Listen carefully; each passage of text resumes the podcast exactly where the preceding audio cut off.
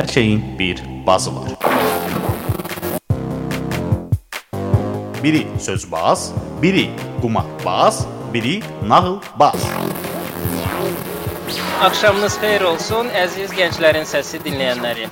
O isə texnologiya ilə maraqlananların bazıdır. Beləliklə studiyada mən, Böyük Vahid, Hər həftənin cümə axşamı texnologiya ilə maraqlananlar üçün Vahid Qasımovun təqdimatında Texno Bas.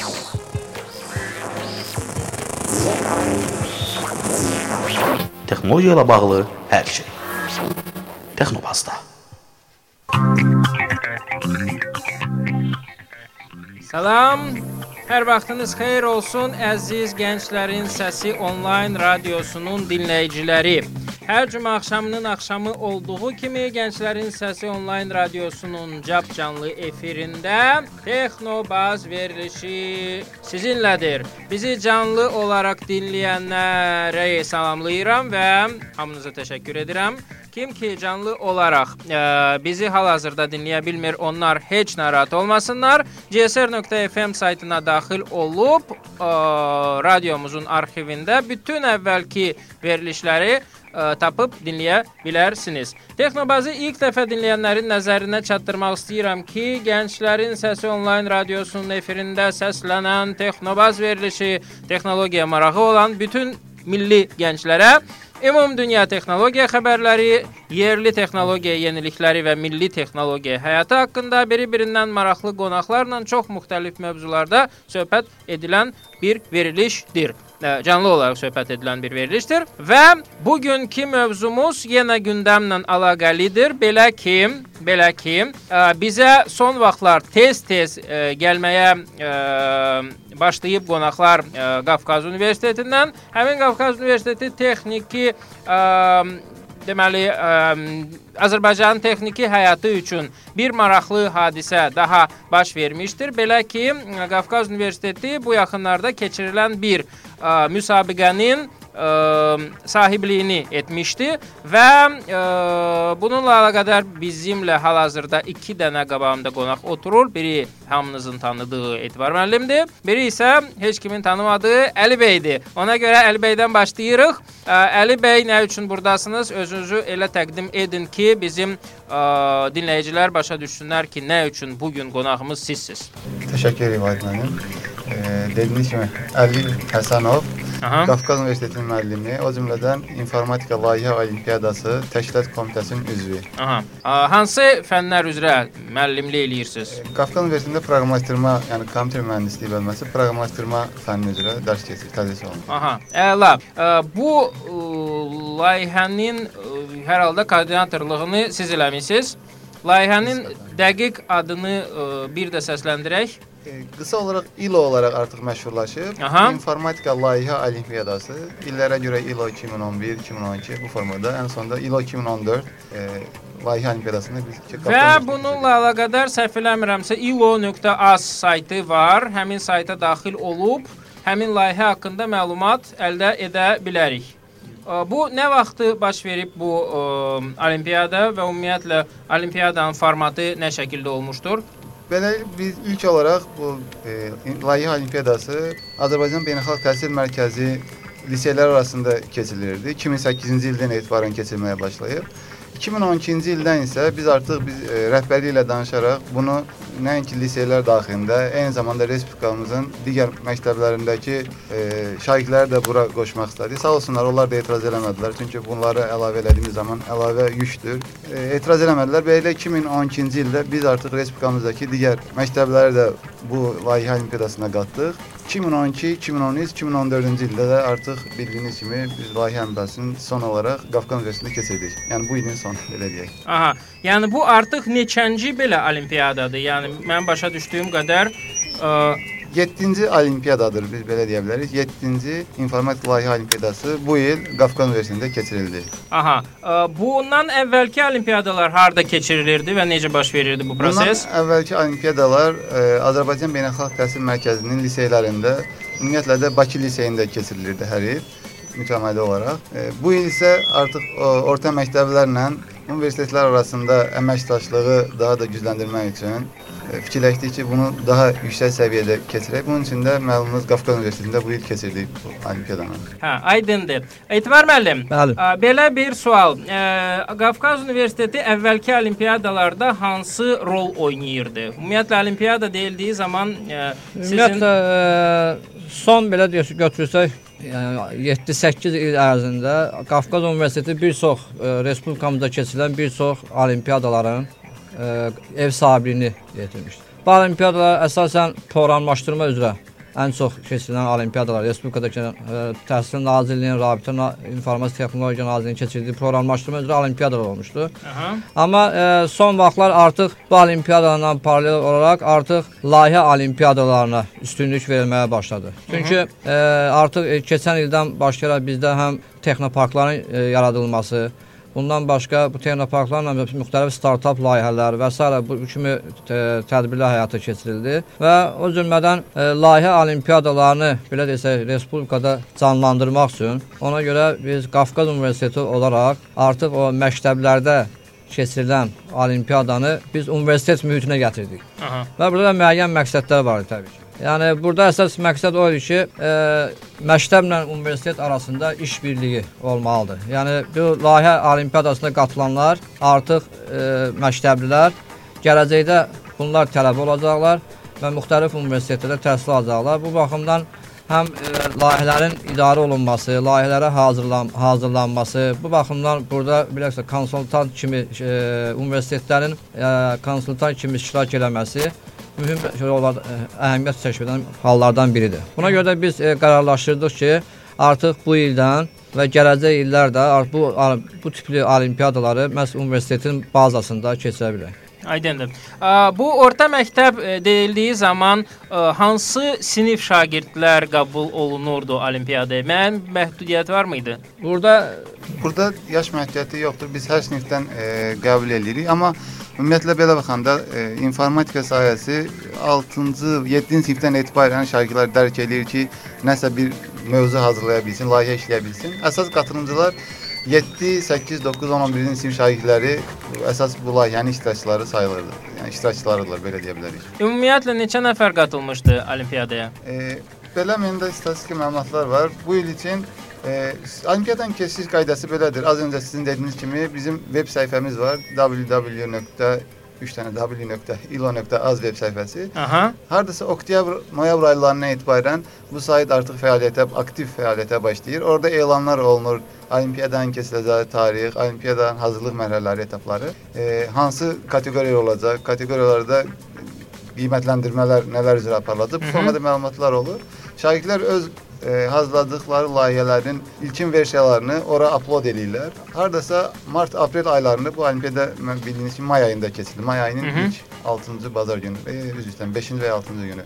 O vaxta qədər aprel ayının e, sonuna doğru bizim münsiflər heyəti toplanırlar bir araya. Upload olmuş hardasa bu il üçün 200-ə yaxın layihə var idi ki, Hı hı. onları ələnərək 50 dənə layihə final mərhələsinə haqq qazandı. Hı hı. Bu formada, yəni onlayn olaraq müraciətlər olur.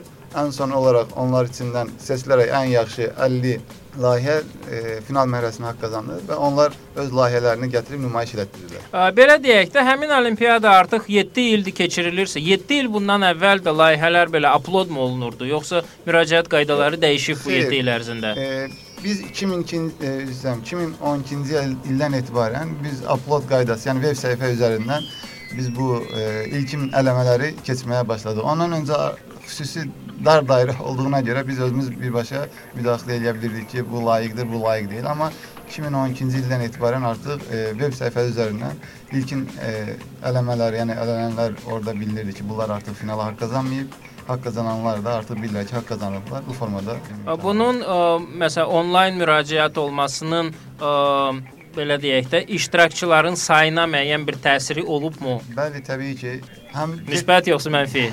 müsbət təbii ki, müsbət tə e, təsiri olub. Çünki fikirləşin bizim yarışda Mingəçevirdən, Lənkərandan, Qusardan, Qaxdan, yəni respublikamızın fərqli-fərqli məktəblərindən müraciətlər olub və final mərhələsinə haqq qazanmış şagirdlərimiz var. Yəni əgər belə olmasaydı, onlar çox çətin gəlib bizim e, yarışda iştirak edə bilərdilər. Aydındır. Bu kateqoriyalar demisiniz, mən saytdan baxıram, bu dəqiqə çox maraqlı kateqoriyalar var. Ə, filmdən tutmuş veb səhifəyə qədər, proqramçılıqdan tutmuş, nə bilim, animasiyaya qədər, hətta elə belə informasiya texnologiyalarında nəsə TARG yazılıb. Bu nədir? Bunlar Texnika, avtomatika, robot qurğu. Hə. Burada əsas biz e, tək robot əslində niyyətimiz var idi, amma e, bizim bildiyimiz respublikamızın digər məktəblərində potensial imkanı daha maddi texniki bazası ona imkan vermədiyi üçün biz fikirləşdik ki, bu biraz qarma bir şey olsun. Texnika, avtomatik robot qurğu. Yəni şagirdin hər hansı bir yeni yaradıcılıq Avadanlıq Bəli, kimi, bəli. aha. Hə, nəsə nədənsə bir şey yarada bilir, düzəldə bilirsə, o həmin layihəsi ilə gəlib bizim yarışda iştirak edə bilər. Hı hı. Bu formada bir layihədir. Əslində bu nominasiyaların seçilməsi e, təsadüfi deyil. Çünki e, bir çox e, dünyada bir çox belə layihə olimpiadaları keçirilir ki, həm məktəblər arasında, həm də universitet tələbələri arasında. Orada məhz bu cür nominasiyalara üstünlük verilir. Yəni populyarlığına görə. Ona görə də yəni bu e, ort indi bizim e, layihə olimpiadalarında da məhz bu nominasiyalara üstünlük verilmişdir. Aydındır. Bu proqramçılığı, veb səhifəni və qurğunu başa düşdük. Qısa film və animasiya biraz ə, belə n- nəyə görə məhz bunlar? Bunların ə, ümumiyyətlə informatikaya nə aidiyyəti var?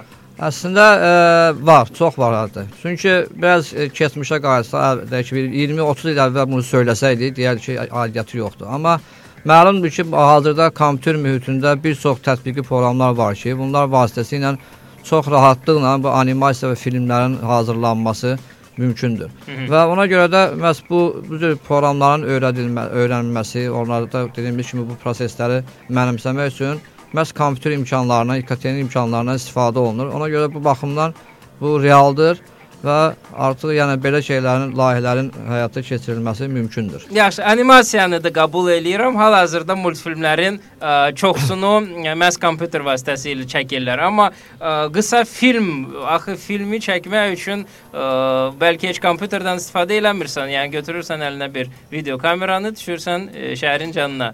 Yəni ola bilsin ki, heç montaj da olunmayıbsa, onda bunun informatikaya aidiyyəti nədir? Əslində yenə o da demək olar ki, çünki bu bax diqqət eləsə, bir var professional olaraq e, deyək ki, operatorların və ya pro- professional olan çəkilişlə məşğul olan şəxslər var. Bunlar Aha. bu uzun illər bunun təcrübəsini görür. Amma qısa bir müddətdə bu cür filmlərin hazırlanması təbii ki, e, nisbətən o professionallığın olmadığı yerdə bu bu cür e, kompüterin imkanlarından istifadə etmək daha rahatdır. Yəni bu cür şeylərin üçün. Çünki bir çox e, tətbiqi proqramlar var ki, o həmin proqramlar vasitəsilə çəkilmiş videolar və s. bunların montaj olunması, Hı -hı. onların səsdir, video və s. montaj üsulları var ki, bunları kompüter eləmək daha rahatdır, nəinki e, başqa texniki vasitələrlə. Ona görə də yəni kiçik yaşlı məktəblilər olsun, istər tələbələr olsun, yəni qısa müddətdə bu təcrübə qazanması üçün bu cür proqramların əhəmiyyəti böyükdür. Mən hal-hazırda baxıram finalçılar bölməsinə sayta və baxıram ki, elə ən çox finalçılar məhz qısa film kateqoriyasındaydı. Nəyə görə belə olub? Ə, ə, yəni ən çox verilən, təqdim olunan layihələr elə məhz qısa film ka- kateqoriyasındaydı. Düz buyursa elə sizin dediyiniz kimi biraz qısa film kateqoriyası asan gəlir. Əlinə kamera alıb başlayacaq yoldaşlarını çəksin. Nəsə bir mövzu olsun. Formada qısa film hazırlamaq daha rahat. Amma bizim orada təbii ki kriteriyalarımız var ki, Hı hı. e, tək video çəkmək kifayət deyildi. O çəkilən videonun üstündə e, Etman mənim dediyi kimi müəyyən effektlər, nə effektlər verib əsas e, qiymətləndirməyə bunlar nəzərə alınırdı. Yəni sırf kamera alıb əlində nələrsə çəkmək deyil də o çəkilən videonun üstə hansı effektlər, video effektlər, nələr işlər görülüb, bu kimi kriteriyalar. O cümlədən işlənən mövzu təbii ki, yəni çox əhəmiyyət kəsb edirdi bizim yarışmada. Etibar müəllim, Bəli. siz həmin olimpiyadada deməli münsif üzvü idiniz. Qiymətləndirməni siz aparırdınız. Belə bir sual verim. Kriteriyaları kim müəyyənləşdirirdi? Kriteriyaları ə, siz özünüzmü bir şəkildə müəyyənləşdirirdiniz, yoxsa əvvəlcədən hansısa təşkilat komitəsindən gəlmişdi ki, bu, bu Kriteriyalar ə, əvvəldən hazırlanmışdı artıq. Yəni bu təşkilat komitəsi tərəfindən hazırlanmışdı və təqdim olunmuşdu münsiflər heyətinə. Təbii ki, eyni zamanda münsiflər heyətinin fikirləri də nəzərə alınmışdı. Hı -hı. Və burada hər kateqoriya üzrə ən azı 3 3-5 münsiflər heyəti təyin olunmuşdu. Yəni Hı hı. müxtəlif e, e, ixtisaslar üzrə, bu, bu animasiya üzrə. Və münsiflər heyətinin də tərkibi də müxtəlif idi. Burada e, müəllimlərdən başqa, yəni e, Qafqaz Universitetinin müəllimləri və bir neçə universitetlərdən dəvət olunmuş müəllimlərdən başqa eyni zamanda respublikamızda müxtəlif şirkətdə çalışan professional mütəxəssislər də Ümumiyyətlə neçə dənə müsif üzvü var idi? Hardasa səhvimsə 18-20 arasında dəyişirdi. Mhm. İndi dəqiq unutmuşam. 5 fərqli kateqoriyamız var idi. Hər kateqoriyada müəllimin buyurduğu kimi Yəni 4-5, 3, 4, 5 Ha, yəni hər kateqoriya üz Bəli, üzrə bəli. Ayrıca müsif müsbət üzvləri yəni. fərqli idi, Aslında 20, aydındır. 20 deyə bilərik. 20, 20 Mhm. nəfər. Hə, ə, və kriteriyalar arasında məsəl üçün ə, deyəlim ki, həmin bu bizim ə, bir balaca belə müzakirə mövzusu olan qısa film kateqoriyasında baxıram, mövzu orijinallığı, səhnələr arası keçidlər, ondan sonra bu ya- yəqin ki, texnologiya və effekt nöqteyi nəzərdən qiymətləndirilirdi. Hədəfin düzgün seçilməsi, kamera hərəkətləri, video, səs effektləri, filmin başlama, bitmə anları istifadə etdiyi proqrama hakimiyyət, təqdimat və stend. Bu təqdimat və stend ə, nədir? Təqdimat normal e, stent belə deyək, normal hazırlanan layihənin qısa fraqmentləri e, afişa halında stendlərə yapışdırılır. Onun dizaynına görə də münsiflər heyəti gedib ona puan verir, bal verirlər. Ha, yəni ki, bu bütün bu layihələr sonra axırda sərgi kimi bir yerdə Bəli, bəli, bəli, sərgi kimi. Daha doğrusu ilk başdan etibarən ta layihə olimpiyada qutarına qədər onlar sərgi olaraq sərgilənirdi. və harda keçirilirdi bu sərgi? normal Qafqaz Universitetinin birinci mərtəbəsi belə deyək, orada keçirilirdi. Aha. Orada müxtəlif məktəblərdən şagirdlər gəlib orada olan layihə olimpiyadalarına baxır, öz fikirlərini deyir, xoşuna gələn şeylərdən belə deyək ilham üçün. Aydındır. Yəni beləliklə layihələrin sayı qədər stendlər mi mövcud Bəli, idi? bəli, layihələrin sayı qədər hər bir layihə üçün biz bir dənə stend e, ayırla Ayrım- aha. ayırmışdıq, bəli. Uşaqlar o stendlərdə öz hazırlatdığı materialları yapışdırırdılar, belə desək.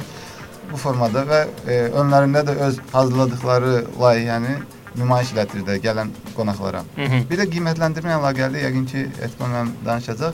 Normal mən qabaqlayım Etibar müəllimi. Bu formada olurdu layihə qiymətləndirilməsi.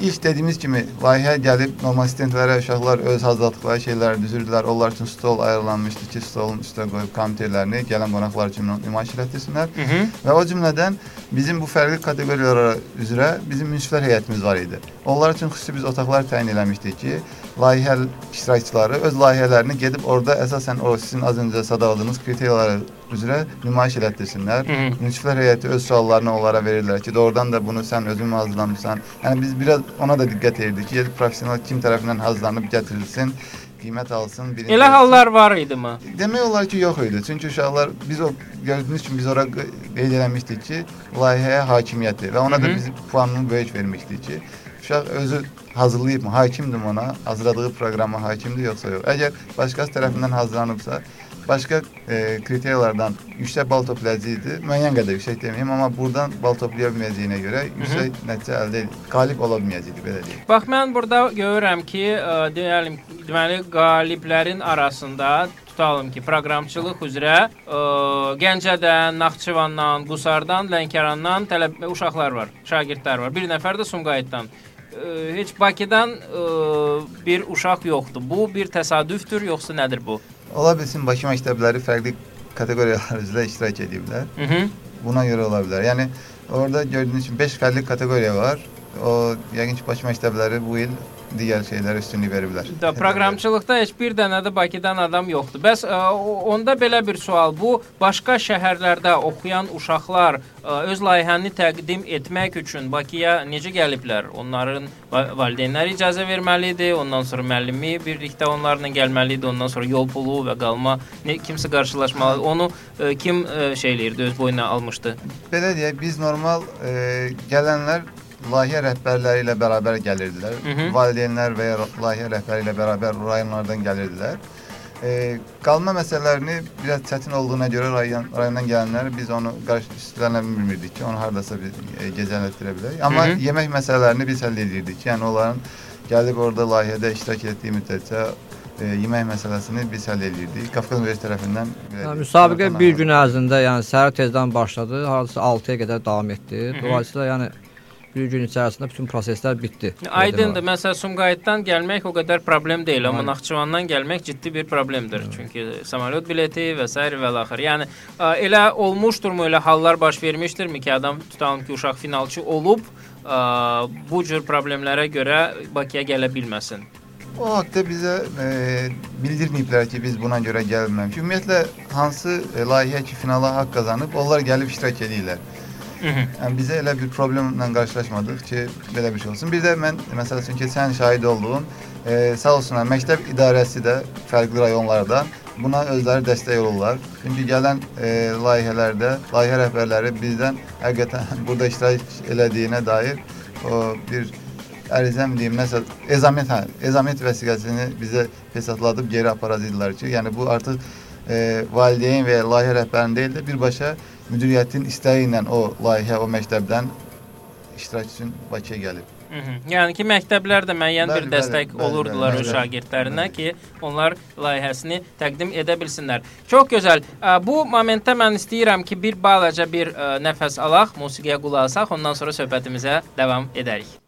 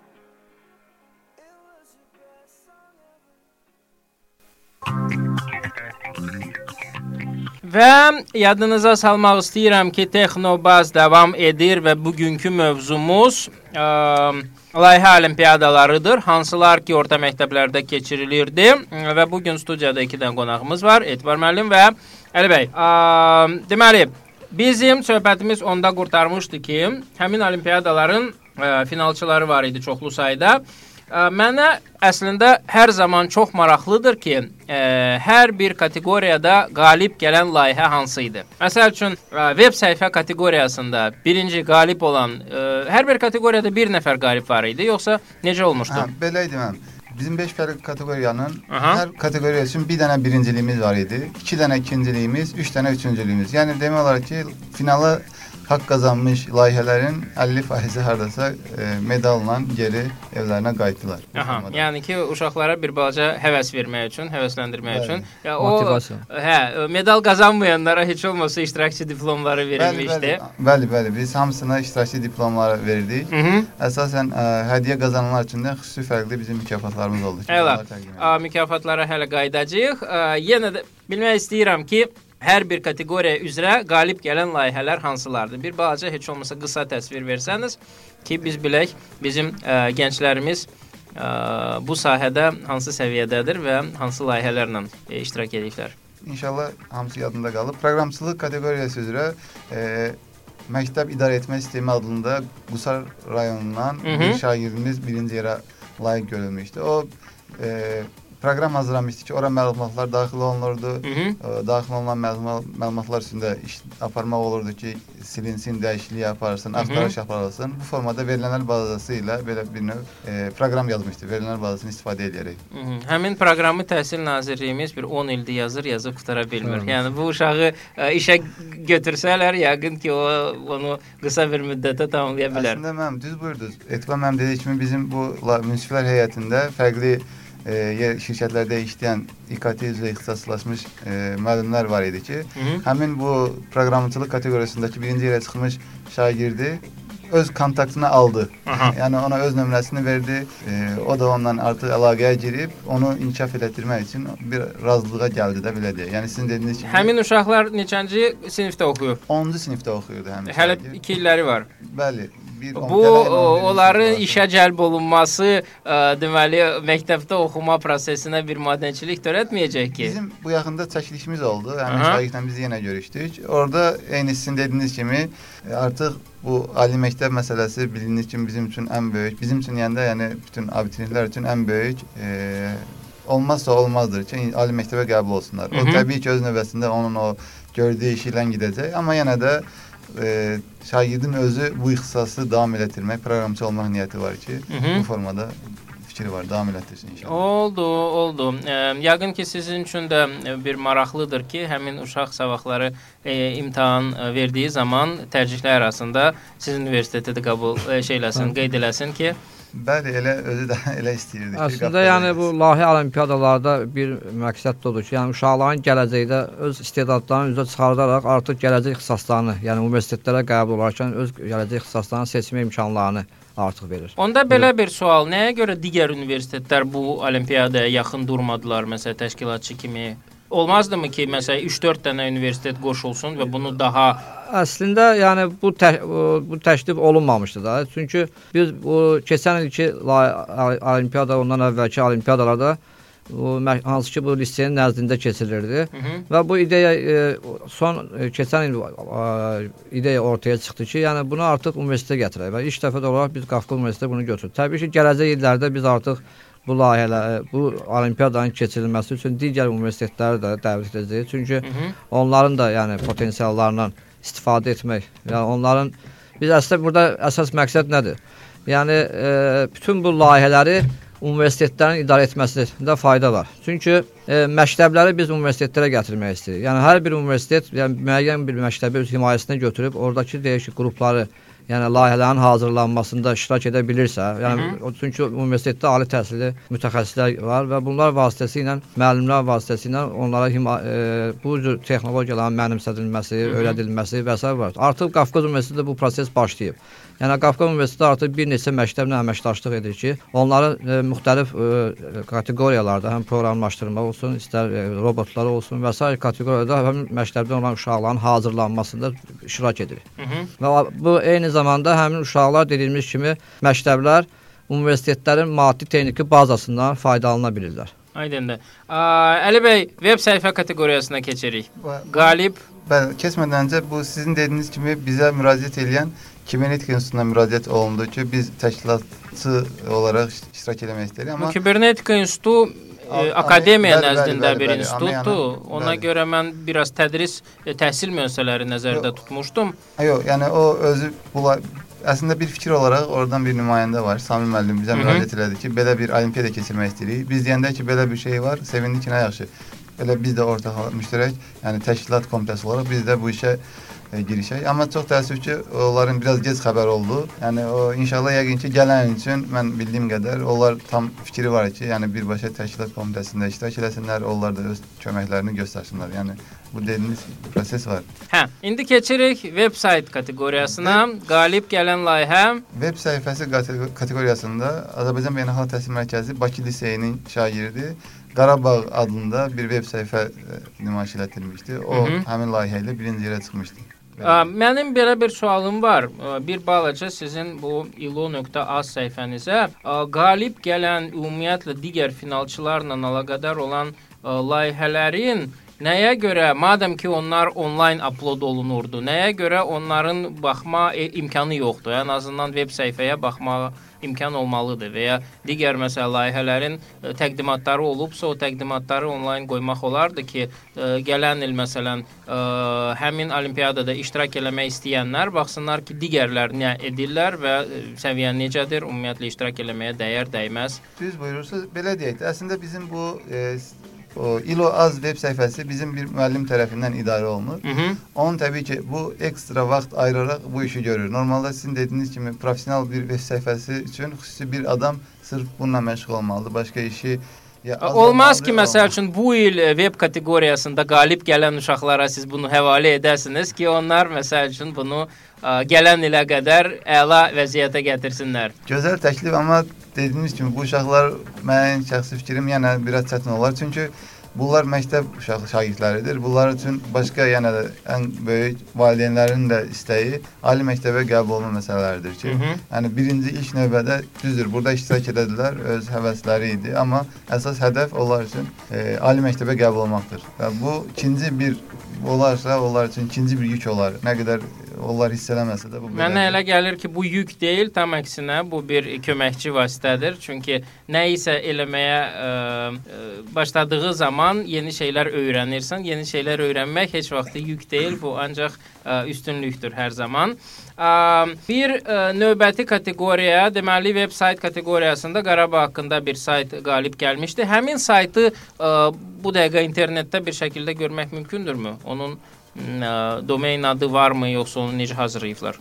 Mən səhv eləmirəmsə o onlayn olaraq, yəni bizdə e, yarışda elə şərt yox idi ki, səhifələr, veb səhifələr onlayn olaraq nümayiş elətdirilsin. O səhv eləmirəmsə o onlayn deyil, normal elə e, internetdə işləyə biləcək bir Mhm. proqramdır, veb səhifədir. Onlayn Hərçənd mən yenə də bir e, təkliflə e, çıxış edirəm ki, heç olmasa qaliblərə məsəl üçün bu kateqoriyada ə, deyəlim ki, ə, hosting və domain təklif eləyə bilərdiniz ki, onlar öz saytlarını internetdə yerləşdirsinlər ki, həm ə, bunlar üçün ki- ki- kiçik bir mükafat kimi olsun, həm də ki, ə, bunun ünvanını sayta qoyaraq ə, aşkar etmək mümkün olsun. Əslində bəlkə də onun veb səhifəsi var. Ha, Mən o xatırlaya bilmirəm. Yəni mümkündür bəlkə də o adam e, şagird onu hazırlayıb. Yəni o təfərrüat olduğuna görə mən çox e, onun xatırında saxlaya bilməmişəm. Hı -hı. Belə desək. Ola Okey. bilsin ki, onun var e, veb səhifəsi. Davam edirik. Ə, Növbəti kateqoriya hansı? Avadanlıq, ə, robotics və yerdə qalan şeylər. Ə, Bu kateqoriyada qalib gələn Sumqayıt list e, 20 sayılı mıydı yoxsa 24 unuttum nə sayısını.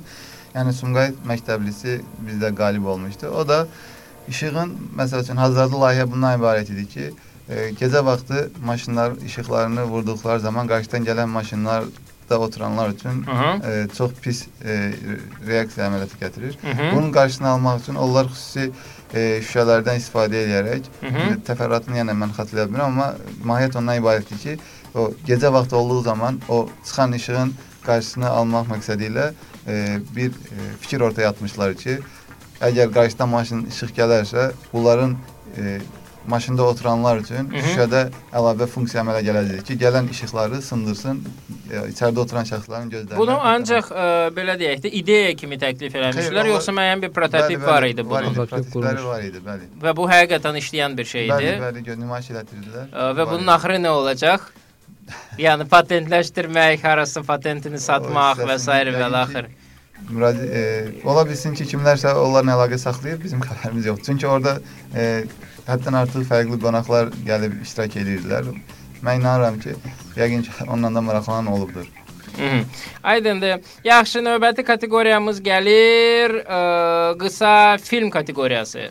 Qısa film kateqoriyası belə idi ki, Eynəklər adlanırdı. O, o Qafqaz İbtidai e, Azərbaycan Beynəlxalq Təhsil Mərkəzi Qafqaz Qafqaz İbtidai sinif uşaqları tərəfindən hazırlanmışdı. Orada əsas məqsəd hər kəs dünyaya öz gözlüyü ilə baxır. Belə bir şey idi. 2 nəfər əsərin qəhrəmanı var idi. Hı hı. Qısa filmi. Biri hər şeyi e, normal, gözəl görür. Optimist Bəli, idi, o biri optimist isə deyə bilərik, bəli. Digəri isə pessimist. Bu formada bir şey nümayiş etdirilmişdi. axırda kim Əsas qalib filmi. gəldi? Optimist Yox, yoxsa orada pessimist? Hər ikisini nümayiş etdirirlər ki, optimist belə həyat sürür, pessimist belə həyat sürür. Siz özünüz gözlüyünüzü dəyişin ki, siz də dünyayı yaxşı görə biləsiniz. Mhm. Aydındır və animasiya kateqoriyasına gəldik. Animasiya hər halda multfilm kimi bir şey ə, ortaya çıxarmışdılar. Animasiyanın qalibini hatırlayırsınızmı? Animasiyanın qalbini e, zəif xatırlayıram. Səhv eləmirəmsə, o da Gəlin Dünyamızı Qoruyaq adlı bir layihə idi, amma onu dəqiq xatırlamıram. Yəni onu səhv deyərəm, qulaq asıb. Ə, bu animasiya ha, hansı proqramda hazırlanmışdı? Animasiyalar ya Adobe Flash proqramı vasitəsilə, ya da fərqli 3D Max proqramı vasitəsilə və ya Hətta. Bəli, bəli. Fərqli bu formada animasiya proqramları vasitəsilə hazırlanırdı. Təbii ki, uşaqlar ilk başda e, bunlarda işləməyə biraz çətin olur. Müəllimləri tərəfindən ilk yardım olunur ki, uşaqlar nələrsə bacarsınlar. Ondan sonra geridə qalan hissəsi tapşırıq vasitəsilə şagirdlər özləri yerinə yetirirlər bu formada. Aydındır. Ə, Deməli bu müəllimlər yarışmasıdır əslində. Ondan sonra hədiyyələri kimə verirsiniz siz? Müəllimlərə yoxsa uşaqlara? Yoxsa uşaqlara verirsiniz, müəllimlər əllərindən alırlar? Yox, biz e, hədiyyələri uşaqlara veririk. Ümumiyyətlə hədiyyələr nə idi? Bu qaliblər ə, nələrlə ayrılıblar ə, yarışmadan, ə, medallardan başqa, diplomlardan başqa? Ha, mən hamısını sizə qeyd edeyim. Hı -hı. E, qaliblər Azərbaycan Beynəlxalq Təhsil Mərkəzi tərəfindən medallar, sertifikatlar, ümumiyyətlə sertifikat bütün e, iştirakçılar tərəfindən e, bütün iş- üzrə bütün iştirakçılara verilmişdi sertifikatlar. Amma qaliblər üçün, yəni Azərbaycan Beynəlxalq Təhsil Mərkəzi tərəfindən medallar təqdim olundu. Ondan sonra pul mükafatları verildi. Aha. O cümlədən e, sağ olsunlar bizim e, sponsorluq edən şirkətlər var idi ki, biz onlara müraciət edirdik ki, biz belə Bu bir burada bir balaca yavaş gedək. Sponsorlarınız kim idi? Mütləq adlarını çəkmək lazımdır. Bəli, bizim Azernet şirkəti sağ olsun, yəni biz nə vaxt müraciət eləmişiksə, e, bizə hədiyyə dolusu geri çevirib, yəni əli boş heç vaxt geri çevirməyib. Onlar məndən xüsusi dərin minnətdarlığımızı bildiririk. Nəyə görə? Yəni ki, onlar nə Bəli, təqdim bəli, eləmişdilər? Kompüter yoxsa Biz maşın? əslində inanırsınız biz ilk müraciət edəndə ki, ana müəllim bizim belə bir yarışımız var. E, xahiş sizdən biz hədiyyə üçün gəlmişik müraciətə. Aha. Biraz fikirləşdi, deyir olar mən ilk yerə çıxanlara notebook hədiyyə eləyək. Aha. Biz təbii ki, çox kiçik hədiyyələr nəzərdə tutmuşduq. Hard disk, nə bilim, web kamera formada. Yəni bu qədər cömərtdilər. Ona görə biz öz dərin minnətdarlığımızı bildiririk. Beləliklə Kompüter birincilər kompüter və kompüter aksesuarları hədiyyə eləmiş, hədiyyə olun- olunmuşdu. Bəli, yəni o, artıq bizdə bu neçə il davam eləyib. Hər ildə o, Azərnet şirkəti, o cümlədən digər bir şirkət var, Estet şirkəti. Hı -hı.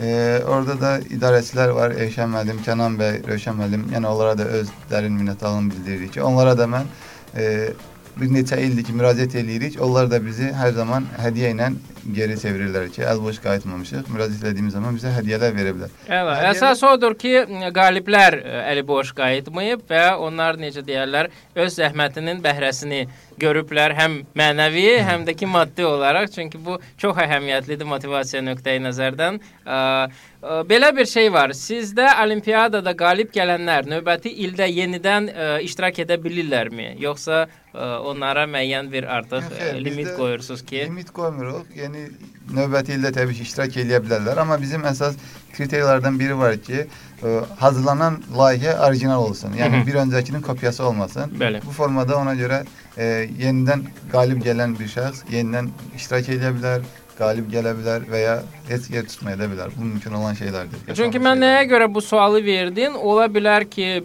belə deyək də, digərlərdən çox-çox fərqlənən qabiliyyətinə görə uşaqlar var. Onlar ildən ilə iştirak eləsələr, hər zaman qalib gələcəklər. Bu da yerdə qalanların məsələ qalib gəlmə ə, fürsətlərini əlindən alır. Bu e, ümumiyyətlə bu, bu cür müsabiqələr, yəni ə, istər bu layihə olsun, istər digər hansısa bir elmi, yəni fənlər üzrə olsun.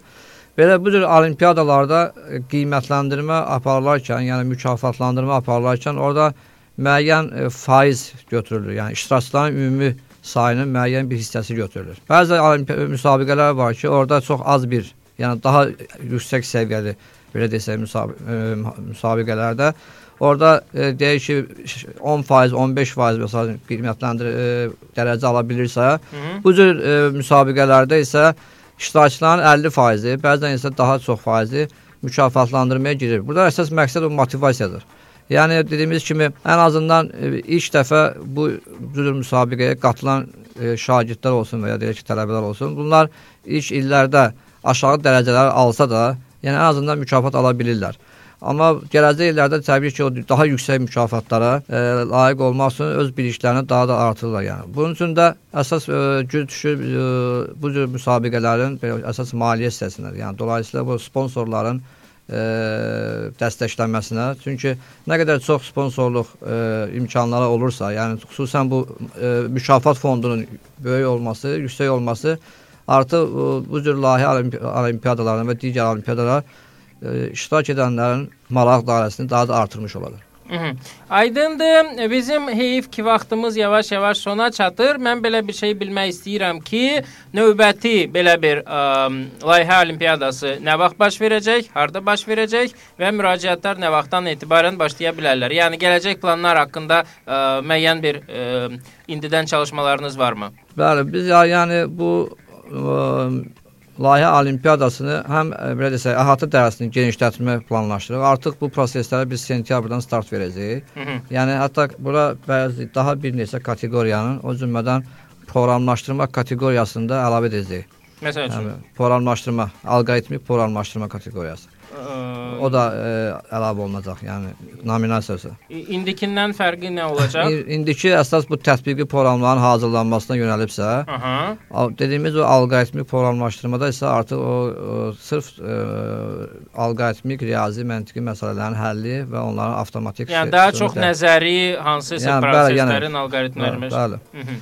Yəni bu, bu da kateqoriya əlavə olunacaq. Və bu prosesləri biz artıq sentyabrdan genişlədəcəyik və təbii ki, burada qeyd elədiyi kimi 200-dən artıq müxtəlif rayonlardan və burada gör, göründüyü kimi bir çox rayonlar artıq burada təmsil olunmamışlar. Hı -hı. Amma təbii ki, bunu müxtəlif yerlərdə birbaşa rayon mərkəzlərində bu layihə olimpiyadaların ilk mərhələlərinin keçirilməsi planlaşdırılır.